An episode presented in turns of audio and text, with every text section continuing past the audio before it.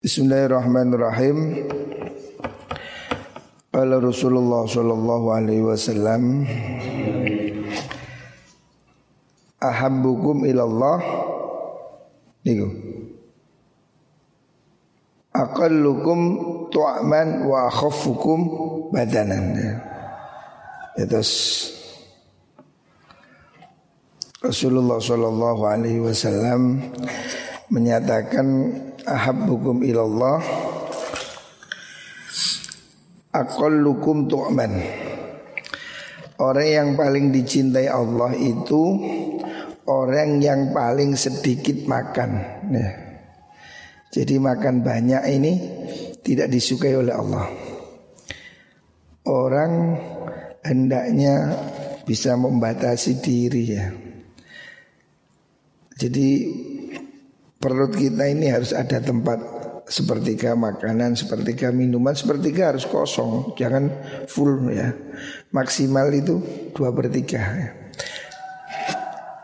Orang yang makan kekenyangan itu membuat kecerdasannya hilang. Nah, karena orang ini kalau makan banyak ngantuan, kalau sudah ngantuk kelangopan turu ya, ngaji males. Makanya hendaknya orang itu jangan terlalu banyak makan. Wa akhaffukum badanan. Nah, Nabi menyatakan orang yang paling dicintai Allah wa haffukum lan luwe entengi sira apa ini badanan awake. Jadi menurut Kanjeng Nabi orang yang paling disukai Allah itu yang makannya sedikit dan badannya lebih enteng. Artinya lebih kurus ya. Jadi orang kayak saya ini Kurang bagus juga ternyata. Jangan apa? Banyak makan. Jangan Jadi terlalu gendut. Tapi memang gendut ini ada yang watak ya. Saya ini sudah beberapa bulan tidak makan nasi. Tapi ya sih gemuk ya Ya, ya seperti ini. Padahal saya sudah lebih enam bulan mencoba untuk diet karbo. Artinya tanpa nasi. Jadi saya makan sayur makan lauk. Tapi sampai hari ini nyatanya ya masih apa? Masih gemuk aja gitu. ono orang sing ini potongan kurus tipe mangan akeh yo dibuat kabeh. Kayak bedil-bedilan. Ya, ada yang begitu. Rawahu Dailami an Ibn Abbas Ahibbu al-araba di thalathin Kata Rasulullah Ahibbu teman sira kabeh cintailah al-araba pada orang Arab ya. Arab cintailah Arab. Arab dalam arti suku ataupun bahasa li salasin karena telung berkoro.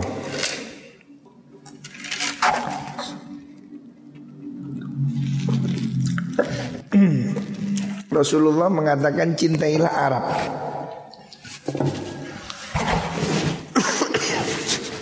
cintailah Arab, orang Arab, suku Arab, bahasa Arab, ya. Rasul menyuruh mencintai ya. Karena apa? Alasannya tiga hal. Ada tiga hal yang membuat kita disuruh mencintai Arab. Ya. Yang pertama, li'anni Arabiyun. Karena saya ini orang Arab kata Nabi. Ya.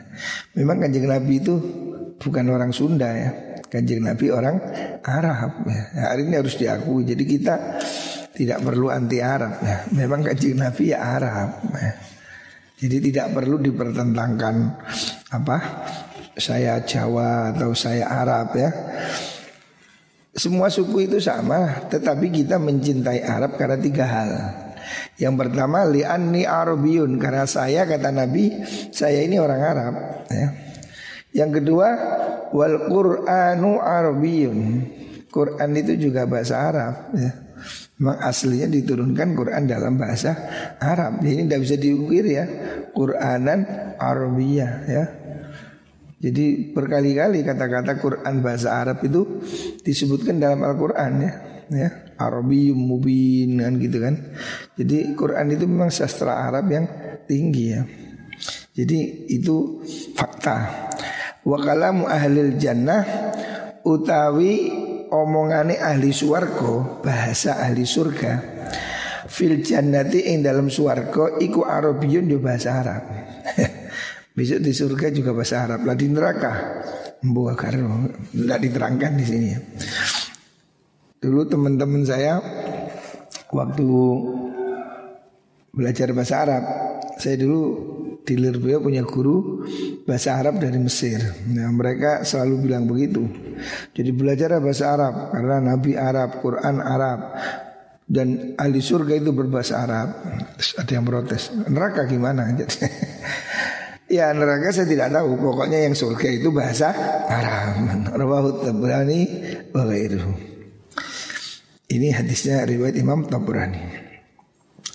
Ihtarisu minan nasi bisu idhan Ihtarisu joko sira kabeh. Minan nasi sangking menungso bisu idzoni kelawan suudzon. Ya. Lo kok Nabi menyuruh kita suudzon maksudnya gimana gitu. Nabi kok menyuruh suudzon. Ini pada kasus yang berbeda ya. Jadi ada hadis yang satu mengatakan ijtanibu oh bukan hadis malah Al-Qur'an. Ijtanibu katsiran minadh-dhann fa inna ba'dadh-dhanni ismun ya. Jadi kamu jangan banyak berburuk sangka. Sangkaan itu wa inna dhanna akdzabul hadis ya. Persangkaan itu seburuk-buruknya ucapan. Artinya Suudon itu tidak bagus. Tetapi kok Nabi ada hadis lain? Ikhtar sunnah bisuudon Ini adalah kasus yang berbeda ya. Untuk orang yang dikenal baik ya Orang yang tidak ada tanda-tanda kriminal ya Orang yang tidak punya tanda apa reputasi jelek kita harus husnudon ya. Tetapi untuk orang yang kita tidak kenal maka sebaiknya kita waspada Sebab kadang ada orang itu kelihatan baik, penampilannya baik, tapi nyipu, tapi nyolong. Ya. Akhirnya harus hati-hati ya. Jangan dilihat penampilannya. Pernah kasus ini di Kediri zaman saya masih mondok di Lirboyo saya diceritai almarhum Mbak Idris. Ada orang kaya di Kediri di Nganjuk namanya Kecihayat. Ini pengusaha besar. Didatangi kiai katanya, ngakunya kiai dari Pasuruan. Itu orangnya pakai jubah, sorban, ya, pakaiannya itu pakaian kiai, bawa mobil, bawa ajudan, bawa santri, kelihatannya kayak yes kiai bener, wong jubahan, sorbanan sudah. Setelah itu minta uang. Jadi dia itu spesialis datangi pejabat, apa itu bupati, kapolres, orang kaya datang. Sehingga datang pada orang kaya ini yang temennya Mbak Idris. Dia datang ke situ memang kayak ada magic, ada gendamnya. Minta uang. Dikasih 3 juta, nggak mau.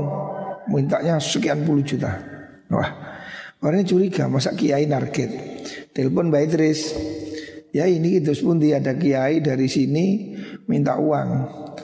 Mbak Idris itu orang lugu ya orang sederhana. Anu cih lapor polisi suruh tangkap tidak mungkin ada kiai begitu, apalagi kiai Pasuruan. Dia ngakunya, ngakunya ya, itu ngaku penjahat ini, ngaku situ kiri. Mbak Idris langsung bilang, tidak mungkin itu bohong. Tangkap, panggil polisi, tangkap. Begitu ditangkap, ya kaget polisinya suruh nangkap. Loh, siapa Pak Haji yang ditangkap? Itu, loh, masa kiai ditangkap? Hmm, kayaknya kiai betul. Cobaan sorbanan bawa santri. Ya sama Mbak Idris suruh tangkap. Jadi tangkap Yang berita di Boyo Tangkap. Betul setelah ditangkap ternyata ini sindikat penipu.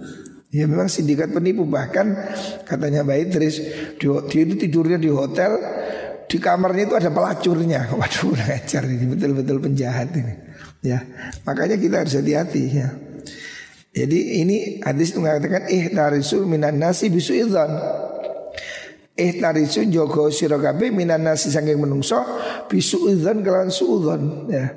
Kamu harus waspada ya, jogo jaga diri. Bisu udzon dengan suudzon tidak apa-apa. Suudzon pada levelnya tertentu gitu loh. Bukan semua orang di suudzon ya. Husnuzon itu bagus ya akhlak. Tapi jangan diberikan pada semua orang ya. Jangan kamu di mana-mana husnuzon Lihat kasus dulu. Oh kamu di pasar Orang nggak kenal pinjam sepeda Husnuzon Ya hilang sepedamu ya. Sudah pernah kejadian di pondok sini Di Anur sini. Ya gitu. Orang seperti wali murid gayanya. Jadi kan kita ada pondok putri panggilan Datang ke wali murid, anu diutus dalam pinjam sepeda ke pasar. Husnuzon dikasihkan, ya hilang. Ya rame ya lu kita. Ya dia tidak tahu ya itu terlalu husnuzon ya. Mestinya tidak boleh ya. Husnuzon itu pada posisi yang benar ya. Jangan semua di husnuzon ya. Ini juga terjadi kasus katanya terjadi juga pernah di mantenan apa waliman gitu. Jadi ada orang datang pinjam kontak alasannya mobilnya mau digeser. Oh, jangan husnuzon terus oh iya diberikan ya hilang mobilmu ya. Itu modus. Ya. Makanya ada dua hadis ini tidak bertentangan ya. Tidak bertentangan. Ya sama dengan Nabi itu makan duduk. Tapi ada riwayat Nabi berdiri. Maksudnya ini untuk menunjukkan bahwa itu boleh Tapi yang lebih baik begini ya. Jadi jangan bingung. Hadis suudon juga begitu. Satu, satu sisi Nabi menyuruh orang khusnudon Satu sisi Nabi menyuruh suudon Maka harus dilihat posisinya seperti apa. Gitu loh. Sama dengan hadis lain Rasulullah SAW mengatakan ahabul amal as-salat. Ahabul amal kiraatul Quran. Itu lihat kasusnya. Satu saat mungkin Nabi mengatakan begini untuk orang yang begini. Sahabat Ibnu Abbas pernah ditanya anak muda, bagaimana Ibnu Abbas hukumnya puasa berciuman? Dia mengatakan haram. Dia protes. Loh kemarin si Fulan kakek-kakek itu kok boleh? Oh iya karena dia sudah tua. Kalau dia ciuman sama istrinya tidak berlanjut. Nah kalau kamu mantan anyar ciuman bablas. Nah, kan lihat kasusnya. Jadi obat ini melihat penyakitnya gitu. Di sini Nabi mengatakan jagalah manusia dengan suudon. Artinya kamu harus waspada ya. Apalagi hari ini ya. Hari ini ini kan banyak kasus ya ekonomi sulit banyak kasus kriminal. Jangan kus kamu pakai husnudon semua. Ada orang ketuk pintu, lihat dulu. Jangan-jangan modus ya. Lah ini perlu juga waspada ya.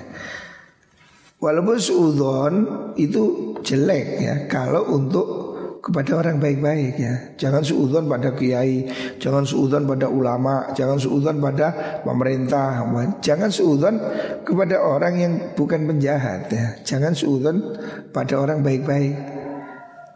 Tetapi sebaliknya jangan khusnudon pada orang yang tidak dikenal. Dia perlu waspada, hati-hati ya. Hati-hati ini perlu juga ya. Ini hadis riwayat Imam Ahmad dan Imam Al-Baihaqi ya. Jadi kasus ini untuk kita menjadi waspada ya, menjadi waspada bahwa tidak semua orang di dunia ini baik. Dunia ini tidak semua malaikat dan tidak semuanya iblis ya. Di dunia ini semua ada ya, ada malaikatnya ya. Artinya orang baik seperti malaikat ada. Yang jahat seperti iblis juga ada ya. Jadi hati-hatilah ya. Ini harus bisa menempatkan diri. Banyak kasus umpamanya di desa ya menjelang hari raya anak gadisnya dijak kerja dibawa ke kota. Oh itu banyak yang jatuh ke pelacuran. Karena ya itu tidak dilihat dulu kerja di kota kerja apa ya. Jangan kerja di panti, panti pijat. Nah, kan beda bukan panti asuhan. Nah, maka banyak orang menjadi tersesat ya. Harus hati-hati. Ya. Pada orang yang belum kita kenal harus hati-hati. Tetapi Jangan ini menjadi sikap yang utama ya. Sikap utama kita husnudon ya. Semua orang yang baik Kelihatan baik Kita husnudon ya. Akan tetapi Jangan mengurangi sikap waspada ya. Ahbib habibaka haunamma. Ahbib Habibaka ing kekasih siro Haunamma kelawan sedengan Cintailah kekasihmu secara sederhana saja ya. Jangan berlebihan mencintai orang Sederhana aja Jangan terlalu fanatik ya. Kadang kita ini mencintai orang udah mati-matian Padahal belum tentu dia itu baik Ternyata ada hal yang membuat kita kecewa ya. Jadi cinta itu sedengan aja Jangan berlebihan ya. Jangan mencintai sedemikian rupa ya, membabi buta. Dulu menurut apa? Ingat saya menurut Mutiara anak muda itu jangan mencintai yang sedemikian panas ya. Karena api yang panas akan segera padam. Banyak orang yang waktu pacaran udah menggebu-gebu sampai nekat kawin lari. Setelah itu cerai. Ini banyak kasus seperti ini banyak ya. Saya punya teman yang mulai kuliah, pacaran, menikah, cerai. Saya bilang loh, ngapain kamu cerai? Oh, ini tidak cocok, tidak ini loh. Lah itu kan pacarmu. Iya ya seperti itu Cinta yang terlalu panas akan segera padam ya. Jadi kalau kamu mencintai, cintai tapi sederhana. Hau nama ada kata-kata ma itu sedikit aja ya, enteng, ringan aja. Ya. Asa ayyakuna bagi doka yaumamma. Asa ayyakuna menawa yen ono sopo mengkono habib iku bagi doka wong kang den sengiti sira yaumamma dalam suci dino.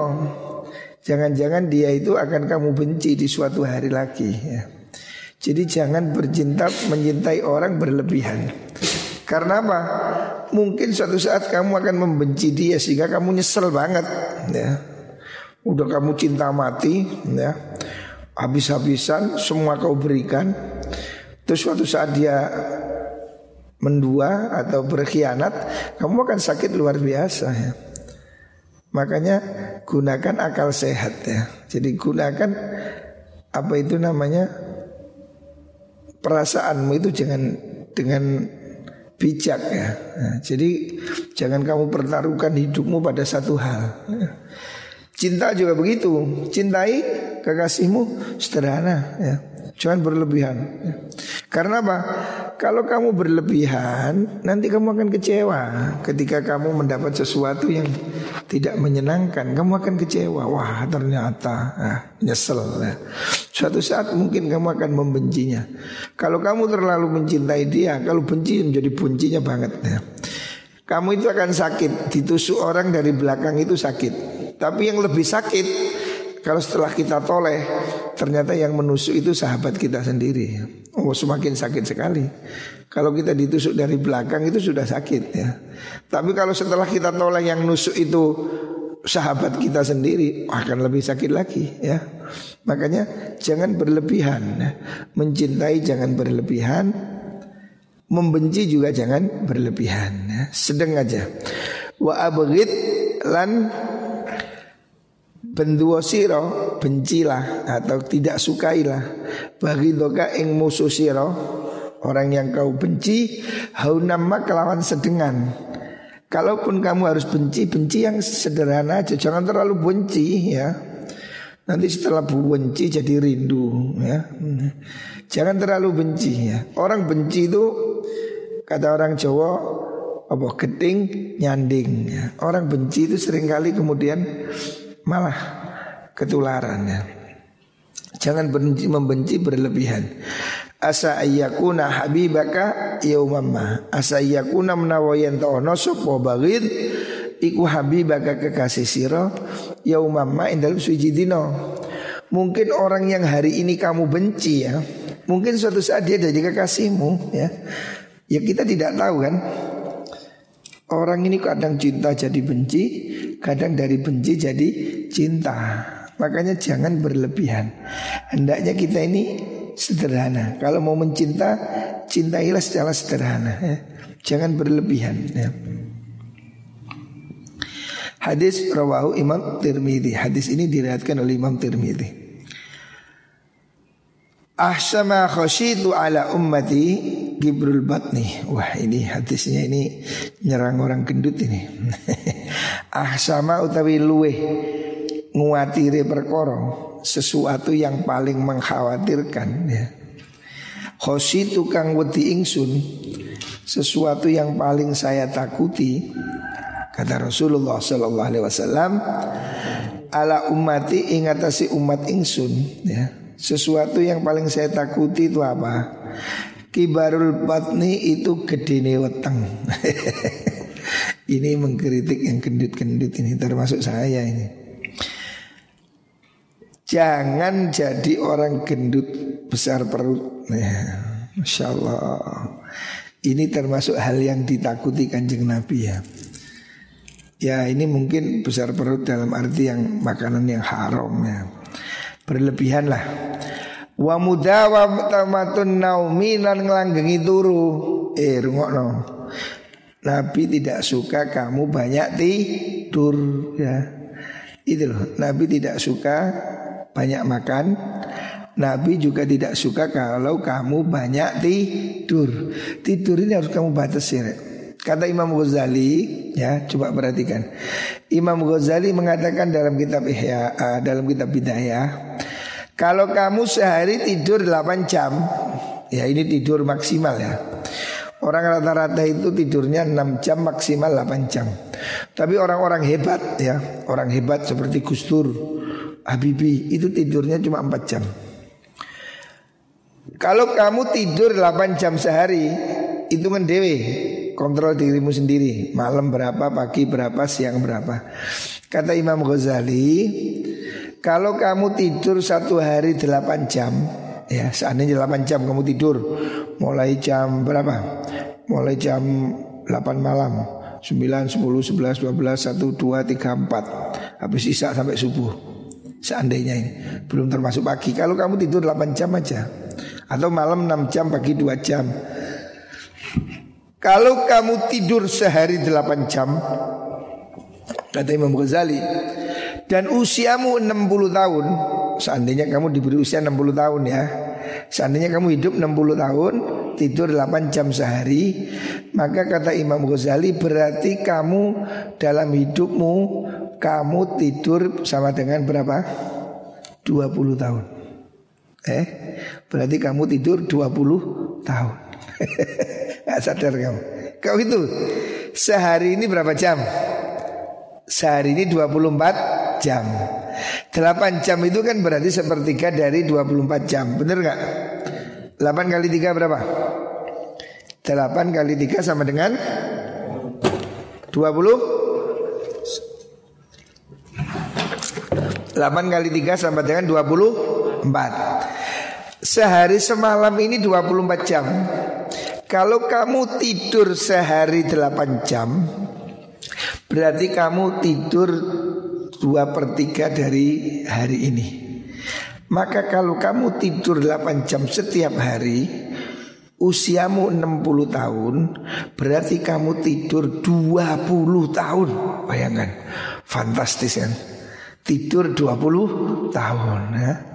Lah kalau lebih Ya lebih lagi berarti. Kalau kamu sehari tidur 12 jam umpamanya. Malam 6 jam. Pagi 6 jam. Saya lihat ada yang tidur pagi Mulai pagi sampai jam 12 tidur. Kok mari zuhur tidur mana Waduh piro Lah kalau kamu tidur sehari 12 jam Usiamu nanti 60 tahun Berarti kamu tidur 30 tahun. Sayang kan? Usianya dihabiskan untuk tidur Kan eman ya Hemat sekali. Tidur ini kan sama dengan mati kan? Berarti kalau kamu Usiamu 60 tahun Sehari kamu tidur 12 jam Sesungguhnya usiamu cuma 30 tahun. Yang 30 tahun kamu sudah mati. Tidur itu adiknya mati loh. Makanya Rasulullah SAW mengajarkan kalau bangun tidur Alhamdulillahilladzi ahyana ba'dama amatana wa ilaihin nusur. Puji Allah yang telah menghidupkan aku setelah mati. Jadi tidur itu bagian dari mati. Ya. Jadi kalau kamu suka tidur berarti kamu ini sudah sudah setengah mati sudah. Ya. Ayo geraya ono cito dewi dewi ya. Makanya saya bilang supaya produktif pagi jangan tidur. Gunakan apa? Gunakan yang produktif. Imam Ghazali mengajarkan habis subuh itu jangan tidur. Habis subuh itu kamu buat untuk zikir, ngaji, wirid ya. Setelah itu apa? Kalau kamu kerja kerja. Kalau kamu ke sekolah sekolah. Kalau tidak, ya habiskan waktumu untuk baca Al-Quran, berzikir, baca kitab ya. Jangan tidur. Karena apa? Eman, usia kita ini eman. Jadi kamu hitung sendiri, kamu sehari tidur berapa jam? Kalau kamu sehari tidur 8 jam ya, menurut Imam Ghazali ya. Ini Imam Ghazali masa kamu gak percaya? Berarti ya wah, sudah gelap sekali ini. Imam Ghazali mengajarkan kalau kamu tidur 8 jam sehari dan usiamu 60 tahun, berarti kamu sudah tidur 20 tahun ya. Sia-sia sekali ya, eman ya. Makanya jangan banyak tidur ya.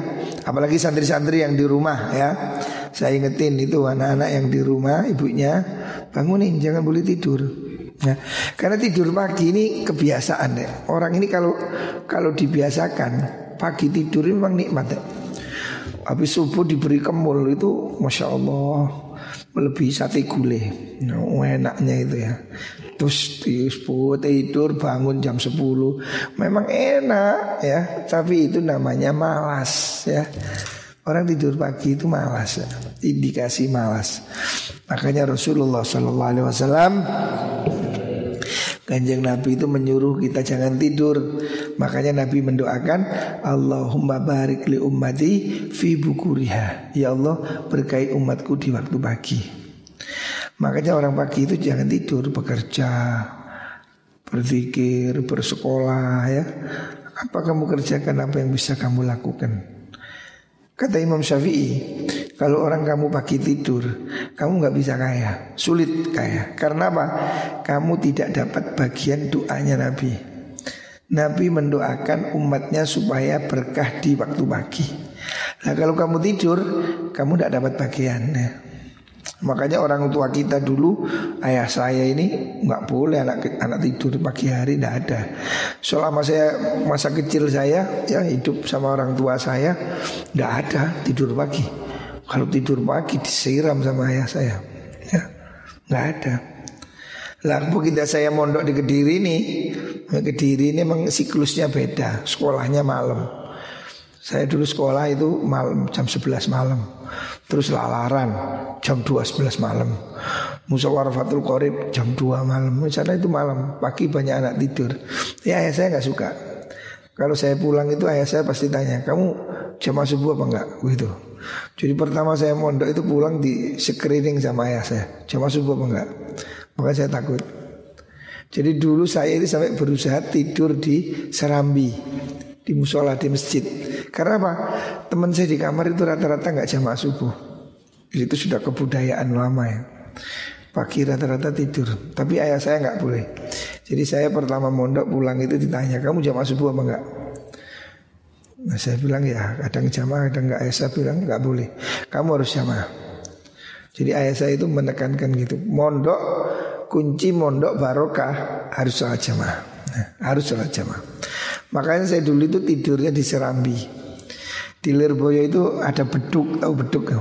Cidor itu Jadi saya itu tidur di bawahnya beduk.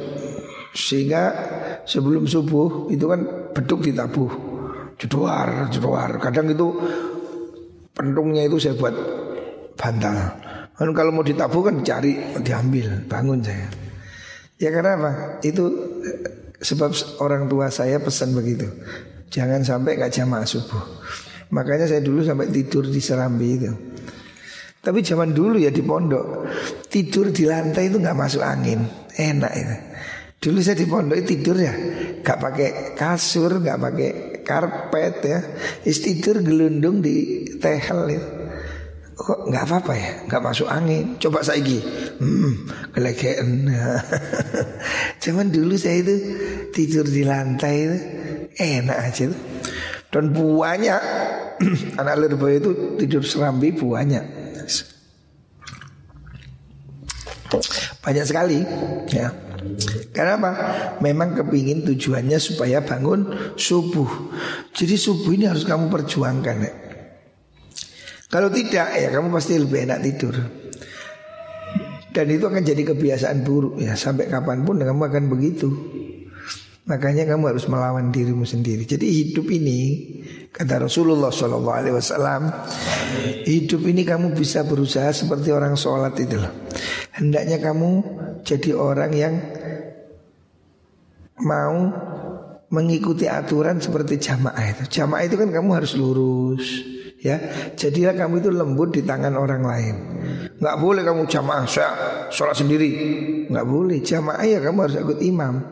Imamnya ruku, kamu harus ikut ruku. Nggak boleh kamu mokong, nggak suka-suka. Aku mau berdiri, nggak bisa. Itu namanya membangkang. Kata Rasulullah Sallallahu Alaihi Wasallam, hendaknya kamu itu hayyinan layinan. Jadi orang itu yang mudah dan mudah dan lembut. Jangan jadi orang itu kaku ya. Kalau kamu hidupmu kaku, kamu akan hidupmu itu menjadi banyak benturan. Kamu lihat pohon pring itu, pohon bambu itu. Pohon bambu itu ndak ndak rubuh karena dia meliuk mengikuti angin. Saya ada angin kanan kiri, dia bergoyang. Maka dia tidak mudah roboh. Manusia juga begitu. Kalau kamu hidupmu itu bisa mengadaptasi ya, ikut aturan, kamu tidak akan patah. Ya. Tapi kalau kamu nuruti mokong, pokoknya begini, pokoknya. Nah ini kan sikap mokong. Sama dengan jamaah kamu, enggak, aku enggak mau ruku, sujud, aku mau sujud sendiri. Ya, kamu kalau enggak mau ikut aturan, ya tidak sah jamaahnya. Ya. Jadi hidup ini seperti sholat berjamaah. Jamaah ini contoh aturan hidup yang baik dan benar. Hendaknya semua itu manut pimpinan. Ya, kamu harus mau meluruskan soft ya. Kamu harus mau tertib ya, berjajar. Nggak boleh kamu walaupun Presiden Jokowi nggak boleh. Terus saya anu nggak mau sholatnya satu meter di atas yang lain. Enggak ya sama aja ya. Jadi jadikan kamu itu lembut di tangan orang lain. Jadi kamu itu ikutlah aturan. Maka hidupmu akan menjadi senang. Orang ini menjadi frustasi, menjadi hidupnya dalam kesedihan. Karena apa? Karena dia tidak mau menerima kenyataan. Nah, karena dia kepingin sakar PDW. Aku maunya begini, aku maunya begitu. Nah ini yang membuat dia menjadi kaku dan mudah patah. Kalau kamu kaku, kamu mudah dipatahkan ya. Sesuatu yang kaku mudah dipatahkan. Besi, waku dipatahkan gampang. Geraji patah ya. Tapi kalau kamu itu lembut tidak bisa dipatahkan seperti air. Air tidak bisa dipecah. Air tidak bisa ditusuk. Air tidak bisa di apa tidak bisa dipatahkan karena air itu lembut ya. Jadi jadilah air, jangan jadi besi.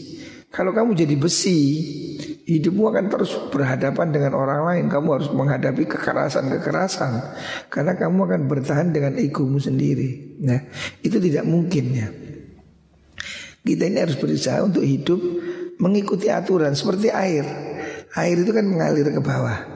Mana ada sungai ke selatan airnya ngalor Tidak bisa air itu kan selalu merendah Dan mengikuti aturan Sungai belok kanan, sungai belok kiri Dia akan mengikuti aturan ya Merendah dan mengikuti aturan Nah, kebijakan tertinggi itu seperti air Merendah mengikuti aturan Air itu kan berkelok-kelok mengikuti sungai ya.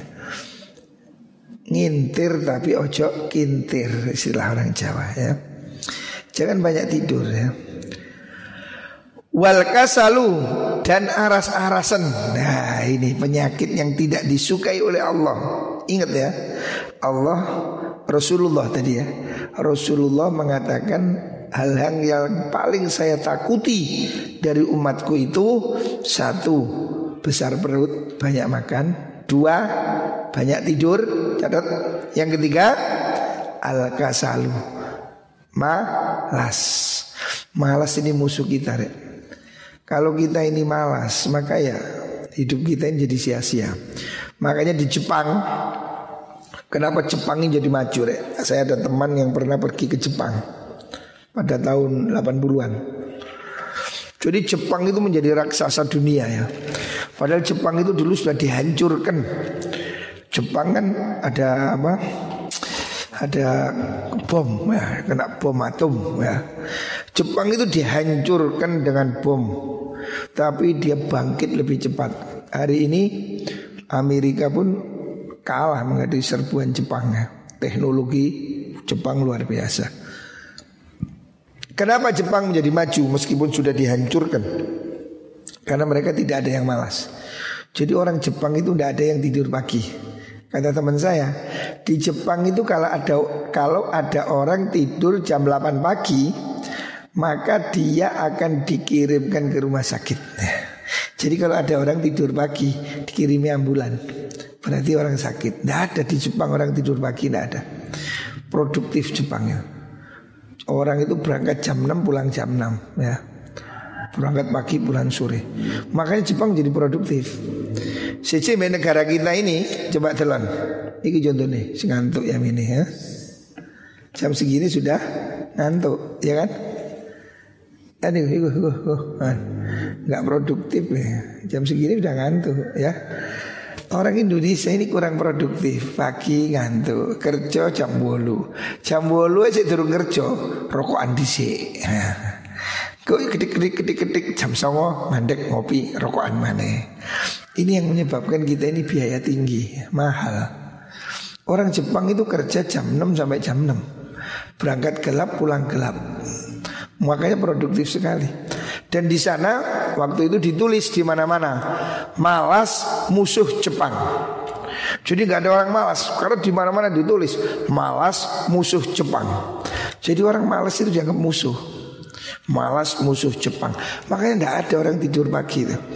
Jadi kalau ada orang jam 8 tidur dikirimi ambulan bawa ke rumah sakit. Hanya orang sakit yang tidur pagi. Orang sehat tidak ada tidur pagi. Makanya Jepang produktif ya. Nah kita ini coba budaya kita ini. Pagi ya ngopi. Ngopi lagi. Pokoknya kita ini Republik Kopi. Ngopa ngopi. Etos kerja kita ini kurang ya saya ini sudah pernah pergi ke Eropa, saya sudah pernah pergi ke ya ke negara maju lah Singapura ya, Jepang, saya pernah turun di Jepang. Negara-negara maju ini semua orang itu hidupnya memang kelihatan ya. Hidupnya itu penuh semangat. Saya ini kalau di Perancis mau naik kereta itu harus lari, waduh harus lari. Jadi rebutan gitu. Semua orang itu seperti mengejar waktu. Indonesia kan gak clear, clear kan semua hantai clear, clear. Kalau di luar negeri itu orang ngejar metro, ngejar apa kereta itu, waduh lari-lari. Setiap hari seperti itu. Jadi waktu itu kayak gak cukup gitu. Dia segera pulang, kan pulangnya sore, lari-lari masuk kereta. Tidak ada orang jalannya aja beda. Saya ini sudah pernah pergi ke Inggris. Saya pernah tinggal dua bulan di Inggris. Saya pernah pergi ke Cambridge, saya pernah pergi ke Oxford ya. Saya pernah jalan di London, di uh, Newcastle, di Birmingham, di ya saya sudah pergi ke berbagai kota di negara ini. Saya pernah tinggal seminggu di Washington, saya pernah tinggal di Texas, saya pernah tinggal di Oregon, di Portland, di Amerika. Orang di negara maju itu jalannya aja kenceng. Ya, Jalannya aja kelihatan. Jadi saya lihat di kota-kota maju di itu di Perancis, itu di Belanda, itu di negara maju. Orang tuh jalan cok cok cok gitu. Sejak negara-negara miskin ini bisa giyer giyer kayak layangan pedat. Nah. Melakukan karena orang kesusu yang yang rokokan, suante gitu. Saya lihat di Yaman, itu semua orang kayak pojokan main remi, ngobrol. Di negara-negara miskin itu gitu. Perapatan-perapatan ini rame semua ya. Banyak orang di pos-pos, banyak orang duduk di depan pasar ngopi-ngopi. Itu ciri negara miskin. Saya lihat negara-negara miskin seperti itu. Banyak orang cangkruk ya. Karena kadang yang dilakoni cangkruk. Ya. Republik cangkruk ini ya negara-negara miskin. Negara-negara kaya waduh orang itu kayak mau berlari semua. Ya. Makanya dibilang malas itu tetangganya miskin. Satu RT. Malas tetangganya miskin. Kalau kamu jadi malas, kamu jadi miskin. Maka Nabi mengatakan wal kasal.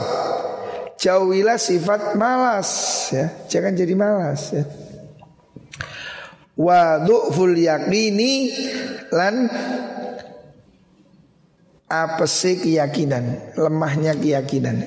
Ini penyakit ya. Orang kalau keyakinannya lemah, semangatnya lemah, hidupnya tidak berarti ya. Makanya Rasulullah Shallallahu Alaihi Wasallam ada sebuah riwayat Abi Umamah ada sahabat itu tidur waktu siang hari dia itu tidur di masjid. Nabi tanya kenapa kamu tidur tidur? Ah, sumpek kanjeng Nabi. Kenapa? Banyak utang. Eh, orang banyak utang ini kan hidupnya nggak nggak semangat. Terus Nabi mengatakan, maukah kamu saya ajari doa supaya tidak banyak utang? Mau? Oh mau Nabi. Nabi mengajari dia berdoa tidak banyak utang. Doanya apa? Bukan Allahumma ya duit ya duit ya duit itu kan ternyata utang itu dari mindset kita. Ya, utang itu bukan karena orang itu tidak punya uang. Utang itu mindset orang itu kalau suka utang, utangan. Orang itu kalau suka boros, boros. Walaupun miskin boros. Ya. Kalau orang itu mindsetnya memang kaya, kaya pun dia nggak boros, hemat. Ya. Tapi orang itu mindsetnya miskin, ya namanya nang warung, ya ngono is. Penggaweane becak tapi rokok iji samsu. Wah, ya kata suki nanti. Nyupir rokok surya. Ini kita mangani nang warung. Nah, ini. Nabi mengajari orang supaya nggak banyak utang. Doa yang diajarkan Nabi apa? Yaitu doa yang kita sering baca Allahumma inni a'udzubika minal ajzi wal kasali Itu doa yang diajarkan Nabi supaya orang nggak punya utang. Ternyata utang itu dari malas ya dari lemah. Maka Nabi mengatakan Allahumma inni a'udzubika minal ajzi ya. Lemah wal kasali dan malas. Ini loh problem miskin ini dari sini ya Obat miskin itu bukan uang. Kalau kamu pun dikasih uang Kalau kamu masih mentalnya masih mental miskin Ya uang itu habis. Kamu dikasih duit sejuta Beli HP Udah Tidak ada yang lain selain itu. Ayo Coba. Kamu diberi uang 5 juta Ganti HP yang kamu pikirkan menghabiskan uang bukan beli kambing, beli sapi. Ini mental miskin.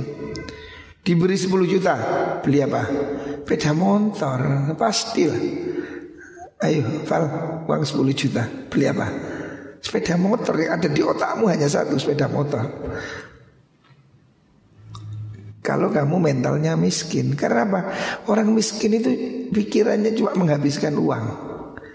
Tapi orang kaya Pikirannya bagaimana uangnya ini bertambah Makanya kalau orang itu mentalnya kaya Dikasih duit sejuta Bukan beli handphone Beli kambing. Kambing anakan Sekarang beli kambing. Hari ini kalau kamu beli kambing satu juta Ramadan Hari Raya Terus kurban Satu juta Empat bulan lagi Laku dua juta. Untung 100% kan Tapi kalau hari ini kamu beli HP Beli HP satu juta Empat bulan lagi dijual laku berapa? Lagu berapa? 500 Saya dulu punya iPhone Ini iPhone juga Dulu saya punya iPhone Namanya Waktu masih iPhone 5 dulu Harganya 9 juta Terus Habis wudhu jatuh Rusak Saya jual Lagu berapa? 500 ribu Handphone 9 juta Kalau dijual cuma laku Berapa? 500 ribu. Coba 9 juta itu saya belikan sapi ya. Coba 5 juta itu saya belikan sapi ya. Satu tahun jadi berapa? Jadi dua ekor Jadi 20 juta ya. Inilah. Jadi kalau kamu mentalmu mental miskin Maka yang kamu pikirkan itu menghabiskan uang. Orang miskin kalau dikasih uang sejuta Yang dipikir itu beli handphone Kalau nggak beli handphone dia beli kulkas. Nah. Kalau dikasih 5 juta Ya itu beli sepeda Elek-elekan. Dikasih 10 juta Tukar tambah Beli Revo. Nah. Fikirnya bagaimana duit itu segera dihabiskan. Ini yang membuat orang miskin tambah miskin. Tapi kalau orang kaya Dikasih duit sejuta mental kaya Beli kambing. 5 juta beli sapi. Sehingga dalam tempo 10 tahun Anak beranak Duit 5 juta bisa jadi 100 Karena apa? Kambing mana, mana, mana, mana Berlipat-lipat. Tapi kalau kamu beli handphone 5 juta 5 tahun lagi 200 ribu. Tidak ada artinya ya Makanya jangan jangan membiasakan pola hidup konsumtif ya. Jangan kamu suka jajan ya. Kata ibu saya dulu kalau ngajari La iso resek dari duit Ojo duit dari resek ya. Jangan sampai duitmu jadi sampah ya. Beli baju beli baju toh nanti jadi sampah. Kalau ibu saya dulu ngajarinya ibu saya itu nggak suka beli baju belinya emas Tuh, ibu saya ini tidak sekolah tapi cerdas finansial. Yang dibeli emas. Karena emas itu tidak ada matinya. Naik terus naik terus ya. Zaman saya menikah dulu tahun 95 emas satu gram 50 ribu ya. 50 ribu aja hari ini berapa? Satu juta. Hari ini emas satu gram satu juta. Naik berapa kali lipat? Naik 20 kali lipat Naik 2000 persen. Bayangkan. 2000 persen. Ini loh cerdas. Ibu saya dulu begitu. Ibu saya itu kalau punya uang beli cincin Cincin dinaikkan jadi gelang Gelang dinaikkan jadi kalung. Sehingga duitnya itu berkembang ya. Duit jangan jadi sampah. Tapi kalau duit itu kamu belikan baju Wes baju bagus Setahun dijual laku apa enggak? Laku enggak? Enggak laku dijual jadi gombal Kamu beli sarung BHS Wah berapa? Satu juta Satu tahun laku berapa? Tidak, tidak laku jadi gombal ya kan?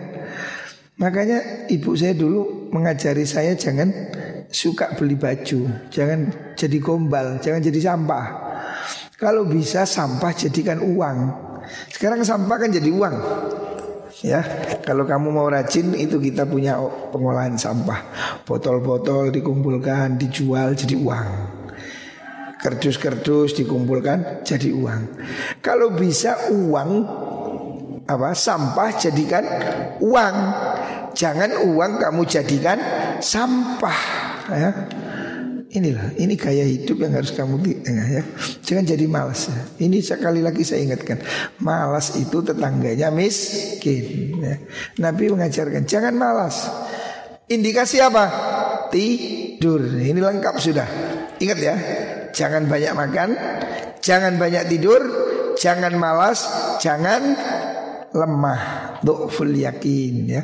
Itu hal yang ditakutkan oleh Rasulullah Shallallahu Alaihi Wasallam. Kalau kamu umat Nabi dengerin ini daunnya Nabi. Kamu mau dengerin siapa lagi? Ha? Ini daunnya Nabi. Kamu masih mau ngeyel? Ha? Kamu mau dengerin siapa? Kalau Nabi tidak kamu dengar, kamu mau denger siapa lagi? Ya. Makanya ayo ngaji ini kita amalkan ya. Ini kita ngaji hadis ini seakan kita sedang mendengar nasihat langsung dari Rasulullah Shallallahu Alaihi Wasallam. Karena ini semuanya daunnya kanjeng Nabi. Kalau kamu dituturi kanjeng Nabi tidak mempan, tidak ada lagi sudah. Ya. Rasulullah itu orang yang terbaik di muka bumi ya. Makanya ayo ngaji ini catat lakukan ya. Jangan banyak makan, jangan banyak tidur, jangan mah pas Jangan lemah full yakin Keyakinan yang lemah kamu harus yakin deh hari ini semua takut corona. Ya udah kita harus waspada, tapi keyakinan harus kuat di hati. Bahwa kita ini harus kuat, ya. Yakinlah Allah Maha menolong, Allah Maha membantu, Allah Maha kuasa. Bersandarlah pada Allah. Kuatkan keyakinanmu ya. Jangan menjadi lemah, jangan jadi takut. Waduh, takut, takut. Ya kamu takut pun tidak menyelesaikan masalah. Yakinlah ya. Semua badai pasti berlalu. Habis gelap pasti terbitlah terang. Inna ma'al usri yusra. Ya, yakinlah Allah sudah mengulang berkali-kali. Inna ma'al usri yusra ya. Jangan takut dengan kesulitan. Sebab kesulitan itu setelahnya pasti ada harapan ya. Hari ini ada musim corona. Ya kita sabarlah. Memang kadang manusia itu gak telaten ya. Ada sesuatu yang besar setelahnya. Kamu lihat Nabi Isa. Nabi Isa itu ibunya namanya siapa? Ibunya Isa namanya Maryam ya. Nah, Maryam perempuan suci Maryam tidak punya suami hamil, sedih sekali sampai dia berharap ingin mati aja. Ya laitani mitu qabla. Aduh, kenapa saya nggak mati aja gitu Jadi Maryam pun pernah mengalami kesedihan luar biasa. Lah memang hamil nggak ada suaminya deh. Hamil langsung dari Allah, bukan dari kucing garong ya, hamil. Ya sedih. Sampai dia ingin mati. Ya laitani mitu qabla hadza. Ya Allah kenapa saya nggak mati aja? Ya. Maryam pun dia ingin mati. Tapi dia tidak tahu kalau di perutnya akan lahir Nabi Isa ya. Jadi orang yang sedang mengandung Nabi pun merasakan kesedihan. Ya, merasakan kesedihan sampai ingin mati. Padahal setelah itu dia tidak tahu bahwa di perutnya akan lahir manusia luar biasa yang namanya Nabi Isa. Ya. Artinya dari kesedihan akan lahir harapan. Maryam bersedih dia tidak tahu bahwa akan lahirlah Isa ya yang disebut dengan juru selamat. Nah, katanya orang sono. Kalau kita mengatakan Isa al-Masih, nabi yang hebat yang bisa menghidupkan orang mati, bisa membuka mata orang yang buta. Jadi ada orang buta, buta asli ya. Disuwek, dicukit motornya tiga lempung bisa ketok. Oh, luar biasa ya. Itu dulu ibunya apa? Kepingin mati. jadi jadi kamu jangan jangan patah hati ya. Maryam aja waktu mengandung Isa itu ingin mati. Hidup sudah susah tapi dari kesusahan itu lahirlah harapan. Nah, hari ini kita takut corona. Oh, iya boleh waspada, ya waspada. Tapi jangan kehilangan harapan. Ya, mungkin setelah ini akan ada kebaikan-kebaikan ya. Semoga corona ini segera bisa diselesaikan oleh Allah Subhanahu wa taala. Yang memberi penyakit adalah Allah, yang mengangkat juga Gusti Allah. Semoga semua diangkat penyakitnya oleh Allah Subhanahu wa taala.